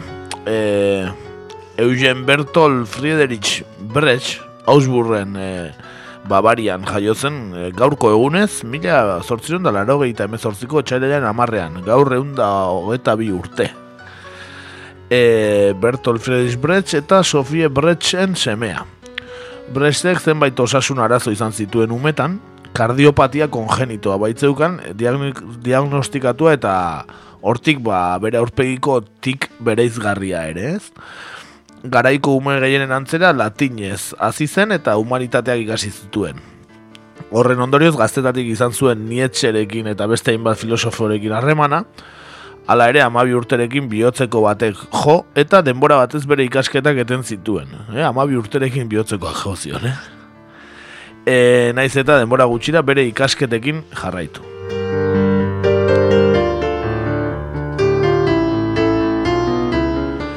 Behin hasierako hezkuntza e, gaindituta Mu- Munitzen e, medikuntza ikasketak e, egin zituen Bertolek, hala ere denbora gutxira, izan ere lehen urtean, medikuntza ikasten ez den lehen urtean, eten behar izan zituen, ba, lehenengo mundu gerraren ondorioz, eta ospital militar batean zerbitzu lanetan jardun behar izan zuen.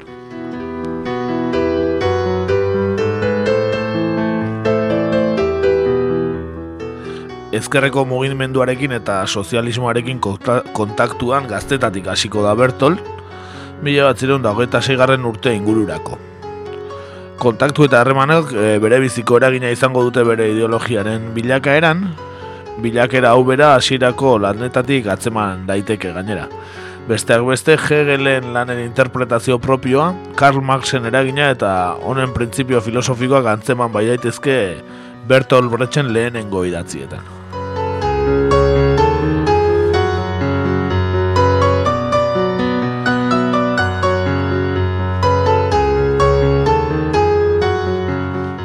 Mila bederatzerun da hogeita garren urtean, Bertolt Brechtek komunismoa eta zinema uztartuko zituen difusio proiektu bat aurkeztu zuen, Kule Guanpe, zeinena da mundua, e, izena zuena. Film honek krisi egoera larrian zegoen Be- Weimarren Errepublikako biztanlegoari komunismoak eskaini diezazkioken aukerak irudi- irudikatzen zituen, ezta? Eta, bueno, ala ere milatzen da, hogeita mairuan ja naziak Alemaniako boterea hartu bezain pronto, ba, debekatu egin zuten Brechen filma. Eta hogeita mairutik berro eta bostera bitartea, ba, debekatu egon zen kule guanpe pelikula hau.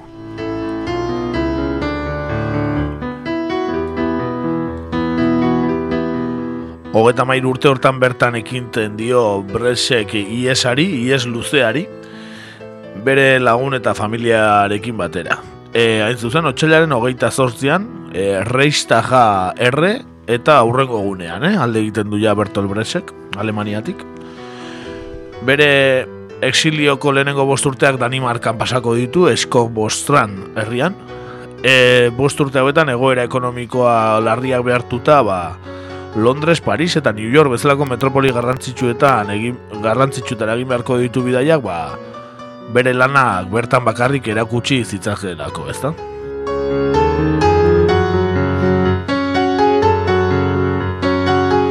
hogeta meretzi garren urtean, bizilekua zuen Dinamarka utzi behar izan zuen, eta berrogei garren urtean e, Helsinkira egin zuen iez. Gerra egren kontestuan, noski, ez? E, Bresek exiliatuta Brese en Bres exiliteratura deitze zaiona den ba, ba garai oparoena izan zen.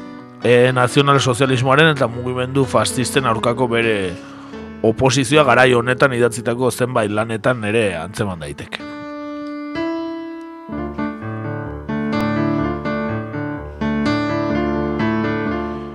Mila batzen da berrogeita bat garren urteko udaran, estatu batuetara egingo du ies, eta Santa Monikan, Hollywoodetik gertu, ezarriko du bere egoitza berria bretxek.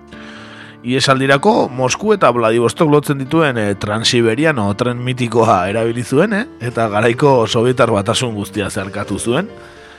E, pixkanaka Bretx e, politika munduan e, eskua sartzen eta komunismoarekin harremana oraindik eta gehiago errotzen hasi zen. Eta gainera Bertxek bere idolo pertsonaletako bat ezagutu zuen e, garai horretan Hollywooden. Nor bestela ba Charles Chaplin, ez? Noski. Eh, Hala ere, eritsi zen makartismo garaia e, estatu batuetan ere, eta artista eta intelektual komunisten kontrako sorgin eiza hori hasi zuen, ezta? Eta hori dela eta mila zen da berroita zazpiko e, urrian hogeita marrean, ekintza anti-amerikarren batzordeak, e, ezaguna egin zen batzorde horrek, ba, bretxi galdek eta zorroz bat egin zion.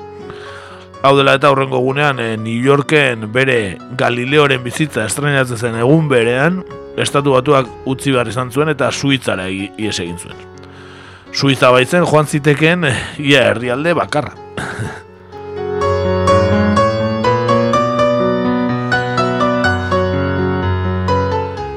Mila bederatzen da berrogeita bederatzi garren urtea helduko da Bretsch ekialdeko Alemaniara, eh? han Berlinera, zehazki.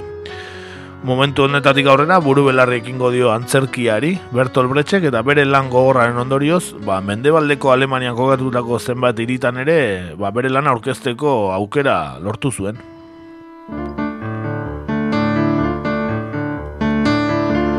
Berrogeita amalau garrenean, mila da berrogeita amalauan, ba, bere azken arnasama baino bi urtelenago Bertolek Sovietar batasuren eskutik bakearen Lenin saria jaso zuen, eh? Sari benetan prestigiotxua. Izan ere, mila bedatzen da berrogeita garren urtean, Berlingo Charité ospitalean, abuztuaren amalauean, nola ez, bihotzekoa jota, hiltzen. Berrogeita emezortzi urte besterik ez zituen, antzerkigile, filosofo eta referente kultural alemaniarra.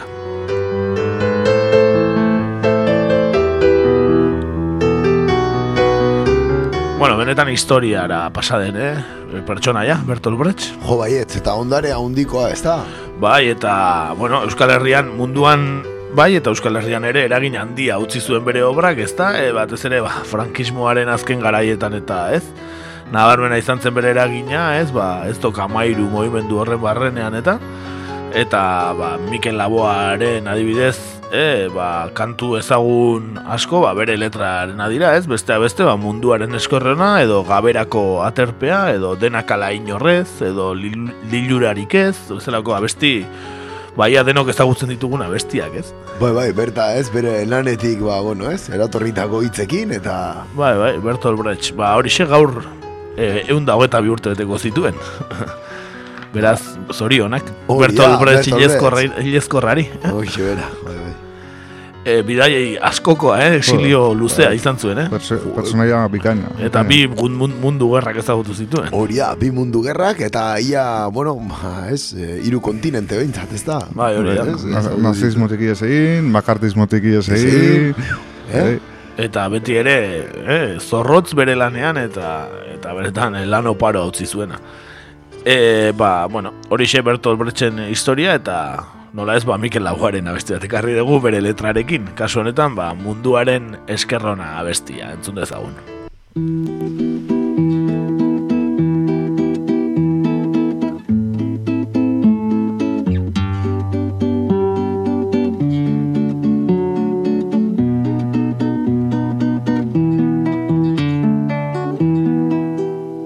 Haize hotz otzeko lurrera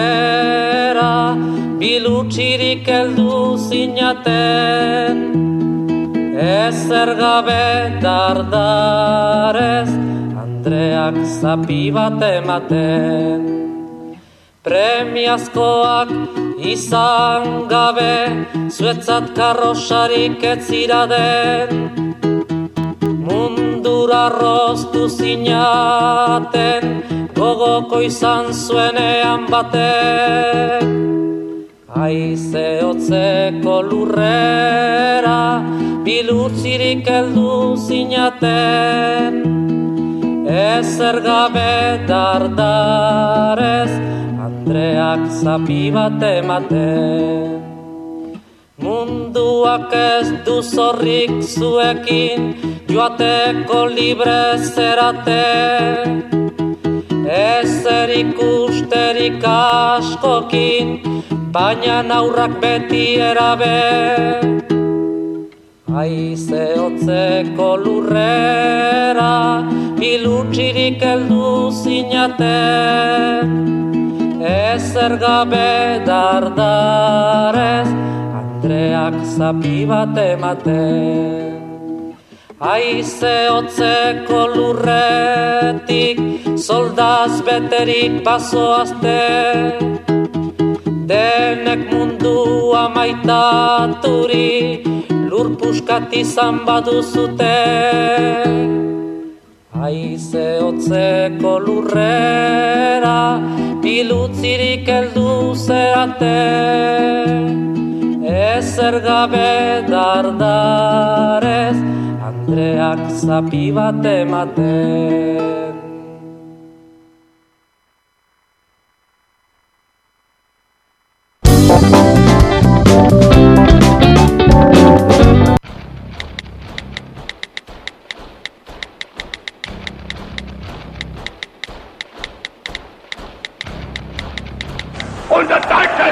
siegt ein! Sieg!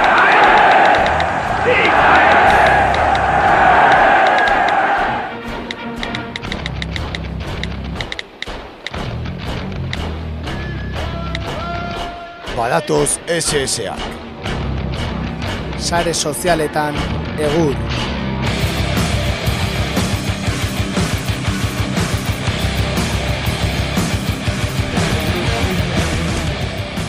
Bueno, bueno, baba datoz SSak, bai, esan bezala, eta gaurkoan, bueno, aspaldiko partez, eh, gure korrespontxal gogokoenaren gana joko dugu, bai, bueno, gogokoena eta momentuz bakarra, ez da?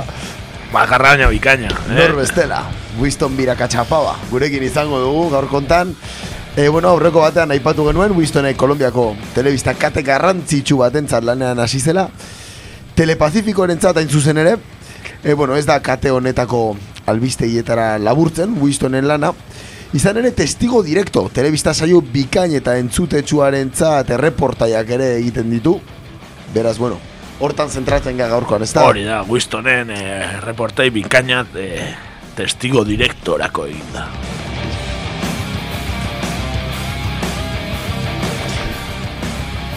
Testigo direkto Kolombiako erreportai saio garrantzitsuenetakoa da.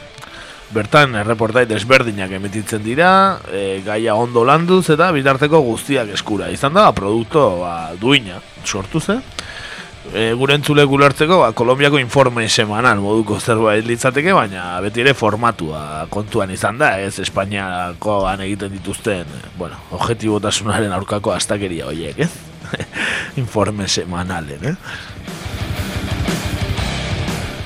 E, gaurkoan e, Kolombian gai oso entzu, entzutxe, entzute txua den kontu bat ekarri dugu. Winston, ekarri digu Winstonek, noski, ba, nola ez, koka landareari buruz, eh? Koka landarea lantzen duten laborarien eta Kolombiako gobernuaren arteko, ba, gatazka historikoa esan dezakegu, eh? Eta honelaxe dio testigo direktoko aurkezleak berak eta horrelaxe aurkezten digu gure Winston maitea. Imagínense que vengan y nos fumiguen. Entramos a una de las primeras zonas del suroccidente colombiano, cerca a la frontera con Ecuador, donde se reanudaría el uso de la fumigación aérea contra los cultivos de coca. Contra el Estado no se puede, pues si fumigan hay que volver a sembrar. Cultivadores se oponen y dicen, si 10 veces se la tumban, 10 veces sembrarán la coca hasta que el gobierno o ellos se cansen. Con estos campesinos y las nuevas autoridades habló nuestro corresponsal, Winston Viracacha.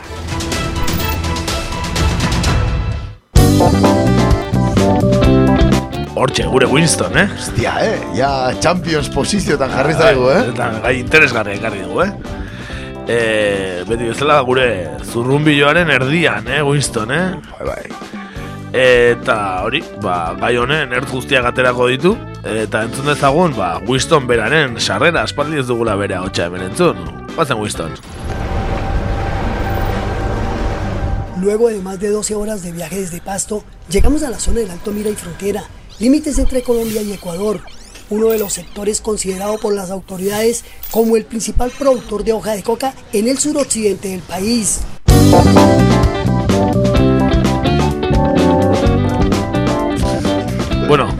Gaian sakondu du Winstonek eta azaldu digun nola nekazari guzti hauek koka ostoaz ba, koka ostoa saltzeaz bizi diren, ezta? Entzun dezagun Winston, maitea gaia esplikatzen. Nuestra primera parada fue en Puerto Rico. Es una de las 33 veredas del Alto Mira y Frontera, zona rural de Tumaco. Durante años, en esta vereda, asentada a solo 20 metros de la frontera con el Ecuador, sus habitantes tuvieron como principal producto de su economía local la hoja de coca. La bonanza cocalera y el esfuerzo de la comunidad dejó la escuela, la cancha, la zona de recreación de los, de los muchachos, la caseta comunal y la biblioteca comunitaria. Hori dana sortu dute koka landareari esker, eh? liburutegia, e, umean jokatzeko lekua, eskola, hori dena, eh?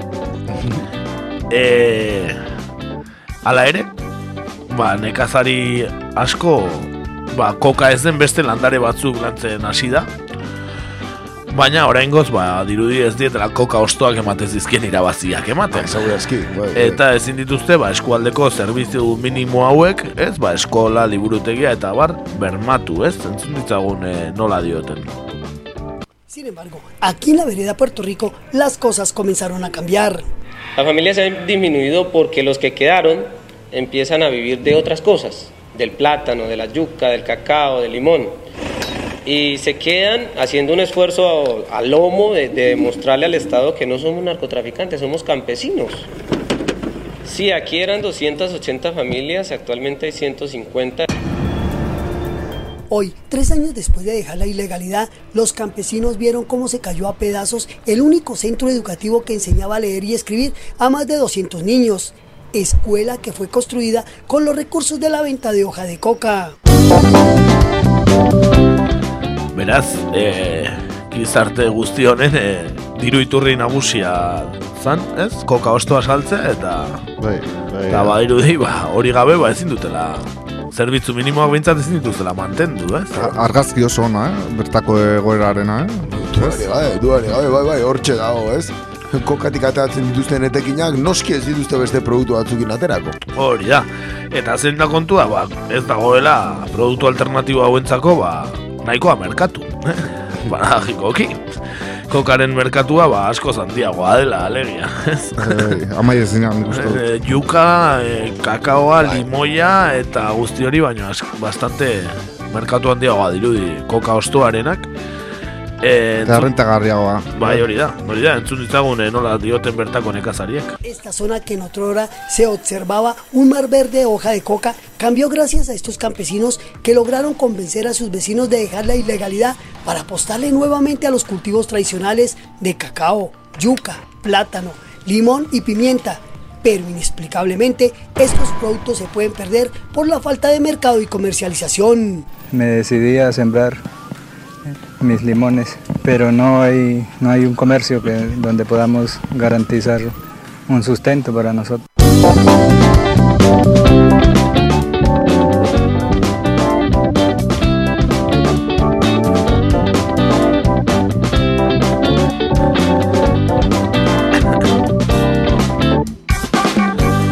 Bueno, limoiak ez duela ematen, beste nago, eh? Ean ez dute gin tonic hartuko limoiarekin, ez da limonadarik ere, ez? Diru ez. Kolombian limoiak ez du dirurik ematen. Ez, ez, baina kokainak bai. E, ala ere, e, eraman gaitu, ba, landak eta e, gaiak aldatu diren bereda batera, baina inguruko beste bereda batera era joan da gure Winston, nola ez? Eta bertan oraindik koka ostoa landatzen jarraitzen dute. A solo 20 kilómetros está la vereda Brisas del Mataje. Los otros, los que siguen cosechando, ellos lanzaron una clara y directa advertencia. Es un obvio no decir, no, no nos lucramos de la coca. No, sí se lucra de la coca. El campesino, porque de eso vive. Es mentir uno al gobierno. ¿Sí ve? Pero nosotros no somos los que mandamos eso para los mexicanos. Nosotros no tenemos nada que ver con eso. Aquí son simplemente campesinos. En esta región del Alto Mira y Frontera, las únicas vías terrestres de comunicación que hay fueron construidas por la comunidad con dinero de la venta de hoja de coca. Son carreteras intransitables, nunca han tenido mantenimiento ni apoyo del Estado. Y lo que es peor, estas familias campesinas no tienen puestos de salud ni cuentan con servicios públicos. Beraz, Kolombiako herritarra dira, baina ez daukate estatuak ez die ez errepiderik jartzen, ez, ez, ez medikuntza... Gutxineko, ez? Ez, medikuntza basikorik ere, ez eskolarik, ez ez zer. Ez zer egin, horrelako, ez? Horrelako egoera batean, ba, helik eta etekin gehien atera eh, duintasun pixkar lortzeko, ez? Hori da, hori da gertatzen dena.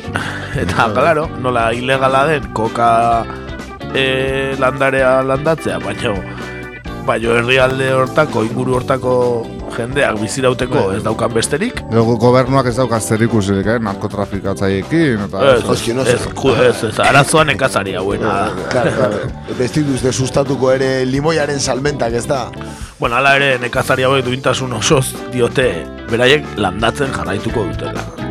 A pesar que el gobierno nacional tiene como principal objetivo la región del Alto Mira y Frontera para el reinicio de las fumigaciones con glifosato, de algo los campesinos sí están seguros. Contra eso, contra el Estado no se puede. Pues si fumigan hay que volver a sembrar. Si 10 veces nos fumigan lo mismo. Tocará volver a insistirle hasta que alguno de los dos se canse, sea el Estado o seamos nosotros, pero no. seguimos en la lucha. Bueno, ba, dirudienez gainera, e, e, gobernuak glifosatoa erabiltzen du e, fumigatzeko, eta guzti horrek, ba, jakin, pentsauko duzuen bezala, ez du gainera bakarrik fumigatzen, e, ez du bakarrik deusezten koka. Ez, ba, bestelako landauta dauzkaten landareak ere. Bai, ziur, albo kalte handiak eragin. Hombre, eta ura, ja, ura kaltetzen da, eta abar eta bar, por cierto, glifosatoa saltzen duen enpresa bakarra multinazional ezagun bagu. Bai. Zein bestela, Monsanto, noski. Monsanto, bai, jauna, beste Monsanto batzuekin santua. gainera. Bai, bai. bai. E, de hecho, bueno, Europan herrialde askotan debekatuta dago, glifosatoa dagoeneko. Bai, hori da. E, jarraitu genuen bere garaian Nariñoko departamentuko hauteskunde kanpaina, ez? Bai, bai. Eta denek azaltzen zuten nola glifosatoaren fumigazioaren aurka zeuden, ezta? Eta irabazi zuen e, gobernadore berriak ere, John Rojas Cabrera, goratuko Bai, zate, ezta? bai, bai, bai. E, arek ere glifosatoaren aurka, bueno, hitzak egin zituen, eta baita goratuko zate, ba, Wistonen aurkako mehatxuen atzean egon zitekeen pertsona bezala hitz egin genuela, ez? John Rojas Cabrera buruz, e, pixkata aipatu genuen bere bizitza, bere, ez? E, zeintzen, Bai, bai. eta Susmagarri eta abar. nagusia bera zan, bai. Bueno, ba, adi, adi, esklusibari, Winston, Birakatxak, John Rojas Cabrera berbera elkarrizketatu baitu. Ni bada. Aurrez aurre, Winston eta John Rojas. Cabrera. Bai, bai, beretan. Otso- Otsoaren ahoan sartu da. Bai, bai, bai, konbate bikaina, eh? Eta, bueno, eh, oso zuzen dena eta glif, glifosatoari ba, ere buruz bakarrik hitz egin dute, ez dakigu gero ba, burruka pixkat egin ote zuten, eh, eh, Winston eta John Rojasek edo zer gertatu zen beraien artean, baina entzun dezagun John Rojas Cabrera, berbera. Un conjunto de veredas y población que se caracteriza por su sinceridad y cooperación entre ellos. Por eso, tanto el gobernador saliente como entrante de Nariño coinciden en señalar que la única manera de disminuir los cultivos de hoja de coca es poner en práctica la sustitución voluntaria e hicieron una oferta al Estado. Sí, es una propuesta muy importante de- del ofrecimiento de unos recursos desde parte de regalías para apuntarle a, un, a una circunstancia importante para el departamento de Nariño, como es la sustitución voluntaria. Nosotros lo vamos a seguir trabajando en eso. O sea, mi insistencia siempre será en que no estamos de acuerdo con las fumigaciones con glifosato y tendremos que mirar en ese diálogo con el gobierno pues unas alternativas importantes para superar estas dificultades. Alternatibak eh, izango dira beste zuzenekin fumigatzea dirudienez, ez Segur. glifosatoarekin, ez? Eh, Ezin inoiz ez fidatu John Rojas Cabrera esaten duen eta ez da. Bere hitzak ez du balio, bai, ala. Ez du ezer balio. Ez da, ez da pertsona garbia, ez. Egurrezko euro bat bezala. Ez, ez. Bueno, ba hori, hause, Wistonek ekarri diguna, eh? Benetan lan bikaina, eh? Txalotzekoa berriro ere, eh? Benetan, zorionak. Benetan bikaina ipatu eh, Mario Leiton kamarelaria berarekin jarraitzen duela, eh? eh ba, eh, kamarelari eta segurtasun bermatzaile modura, eh? Eta gainera, ba, orain eh, bere karreran Wistonek eman duen aurrera pasu honetan, ba, bideoak muntatzeko beste lankide bat ere baduela, eta ez duela Wistonek montatu bideoa. Notatzen da gainera ikusterakoan, muntai oso ona duen bideoa dela. Edgardo Cabrera. Epa, epa, epa. Da, en montadlaria, ez dakigu John Rojas Cabreraren senitarteko ote den. Kaso, leguzua, edo ez, bai, ez. Edgardo, bueno. Ikertu beharko deu, ikertu beharko deu, aber horregatikan eh, lagun egin die, Bai, no, bai, Winston bai, eta John Rojas. hor atzean indultua dago, Bai, hor hor zeu zeba, truke, eh. bai. Agian etxaiaren bandora pasazeu Winston. Haien erlazioan, bai, horri berri batera pasatu dira, ez da John Rojas eta Winston. Bai, bai, zeo zer ba gogor, eh? Bueno, ba hori xe, eh, gora Winston da bere reportai bikainak, gure korrespontxal maiteak bidali diguna, eh? Eta hori xe, orain eh, testigo direkto ere jarraituko dugu, testigo direkto non historiak ezberdinak diren. Porque en testigo directo las historias son diferentes. Eh? Son diferentes, eh? Testigo direkto. Tope, eh? Bai, bai, bikaina benetan, merezitako ascensoa Winston entzatara ere, eh? Hori da, hori da. Aipatu sare sozialetan lehen aztu zaigula, e, Twitter galdera bidaltzea, eh? Ez dugula aipatu. Baina badago zer bidali, ez da? Bai, badago, badago, bai. E, aipatu lehenko azteko e, e, galderan, ez? Galdetu genuela, ea Julian Jantzik non e, egingo zuen ondorengo bisita gidatua, eh? Eta ba, non izango da, ba, irabazlea, ba, alderdi egunean, nola, ez? Naiz eta batzuk pion jangera ere bidali nahi izan duten, eh? Eske, lan, lan erreza jarri diote, eh? Alderdi eguneko hori, eh? Hori etxen jokatza. Hori da. Hori. Bueno, ba gaur lehen eh, hasieran aipatu dugun eh, Zaldibargo zabartegia dugu izpide eh, eta hori izango da gure Twitter galdera. Izan ere, ba, lehen esan dugu bezala, ez dakigu nun eskutatu diren urkullu eta arantxa tapia bezalakoak asteburu guztian, ba, Zaldibarko kontu honi buruz hitz egiteko, ez? Nahi dutenean, eh, komunikabideetan egunero ateratzen badakite, bai urkullu eta bai arantxa tapiak, eh? Ba, oraingoan e, izkutuan egon dira asteburu osoan, hori dirudi, ez? Ba, hori xe, galdetuko dugu, ean nun izkutatu diren urkullu eta arantzatapia zaldibargo zabortegiaren aferaren aurrean, eh? Aukeretako bat dugu abiadurandiko tren desberdinak probatzen ibili direra, ez? Munduan zehar. Ja, martxak sartzen, ez? Martxa atrás, guzti hori enbrageak, dena probatzen. Hori da, hori da. Ka- des, deskarbonizazioa eta hori da, hori da. Bestetik, ba, erraustegiak aztertzen, eh? E, hortan ere nahiko adituak dira, eta ez dakit, agian urrengo lege e, beste erraustegi bat jarri nahiko dute bizkaian, edo, edo araban, zein daki, edo zer gauza. Izan daiteke baita ere Bask zerbaitetan, ez? Izen pomposoa jartzea gustatzen zaie, ba Bask ez daki zer, ez? Bask Railway jarri zuten bezala, ba... Bai, baskizkutak eta. Egiten nahi diena, segura aski izango dara, Eus, Euskadiren zako egiten nahiko dira. Hombre, Ez dakit zertan, noski, hori seguro. Euskaditik Euskadiren onen, onenarentzat. Noski baietz. Beti Euskaditik eta Euskadirentzat. Eta bestela, ba, oaran ja, badakigula aurreratu dituzte hauteskundea, ba, hauteskundea prestatzen egon dira, zein daki, eh? Bueno, ba, hortxe gure Twitter galdera, eta badakizue, aste osoa duzuela erantzuteko, hortxe da. Erantzun nahi dezuenean. Eta, ba hori, Twitter galdera honekin, eta Wistonen kontu hauekin, ba, gaurkoa ere egin dugu. Ez dakit zeo zer gehiago eratzen zaigun, nik uste ez, ezta? Egur desente partitu Bai, dugu uste dut, ez da? Kontu asko, eh? Ko- Kontu asko genuzken esateko. Bai, gai asko, eh? Iruña beleia, oraindik gaina pendiente gatu Bai, bai. zaigula. Bai, bai, gauza askotaz hitzein dugu gaur Zaldio, zil- zaldibarko zabortegi Bai, honena gaina ere. ga- gai hauek eh, luzeako joko dute, eh? bai, Bai, batak bai, eta bai. bai bestek. Eta- Bai, bai, erabili beharko ditugu, eh? Esango, bai, emango dute zer esanik dudarik gabe. Bueno, ba, denboraldiko amagazgarren irratsaioa eta gure mailaren lauankatako bat ezin izan dela gaur hemen egon, eta agur bero bat berarentzat. Espiritua hemen egon da. Espiritua hemen, urkullurena. Gurekin egonda, gurekin egonda. Urkullurena zaldi barren bezala, berea hemen egonda, bai. Ba, hola, xe, e, abesti batekin bukatuko dugu, mañana me txantonen glifosato, eh? Ja, hitz egin dugula, glifosato fumigazioetaz, ba, ba, talde horren e, glifosato, me, mañana me txanto, nena. Ba, hori xe, datorren aster arte. Hori da, gaiztok izan. Sí, Astona pasa... Venga, agur.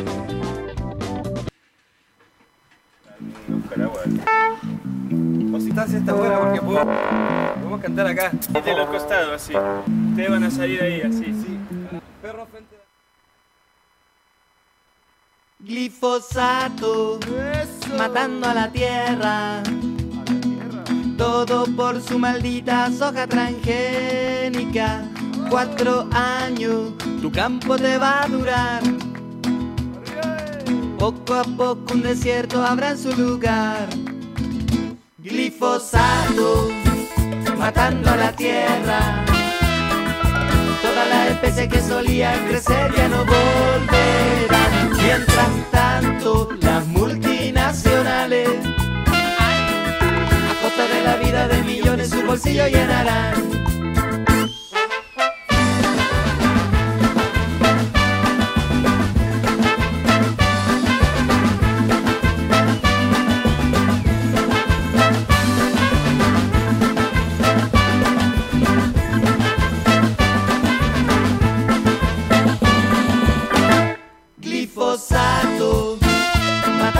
Tierra.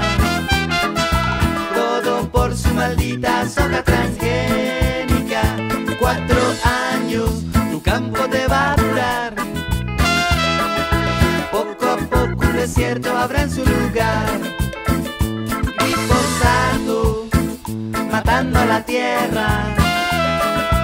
Todas las especies que solían crecer ya no volverán.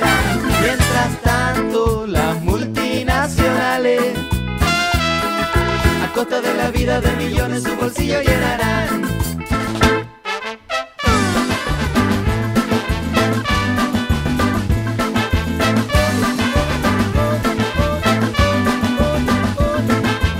Amazonas, pulmón del mundo, o qué será cuando te salen profundo,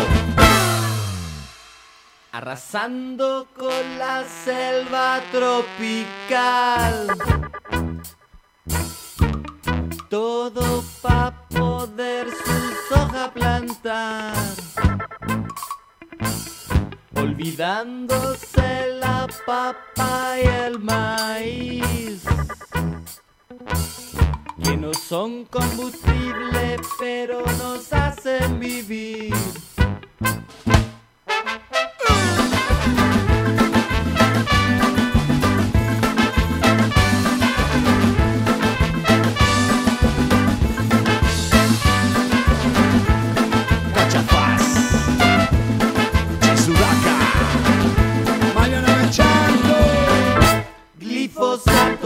Glifosato, glifosato, matando a la tierra. Todo por su maldita soja transgénica. Cuatro años, tu campo te va a durar. Poco a poco un desierto habrá su lugar. Glifosato, matando a la tierra. Todas las especies que solían las multinacionales, a costa de la vida de millones, su bolsillo llenarán. Su bolsillo llenarán. Cachafaz. Mayor ecosistema y la reserva natural de grandes proporciones está en Sudamérica. Vegetación y fauna la que abunda en el lugar. Ya vemos en este mundo es materia artificial. Se cuenta por la selva la leyenda popular. Historias que la ciencia no va a poder explicar. Vegetación y fauna la que abunda en el lugar. Siguen talando bosque porque quieren tener. Más y más de lo que hacen, ellos más quieren hacer. Más y más de lo que pueden, ellos más quieren poder. Por ser un ser humano la cabeza va a perder. Lo que digo es lo que veo, veo más de lo que quiero. Mientras cae el aguacero, como no serte sincero. Ametrazo con palabras te dejamos bajo cero. No somos corderos, tenemos temple de acero.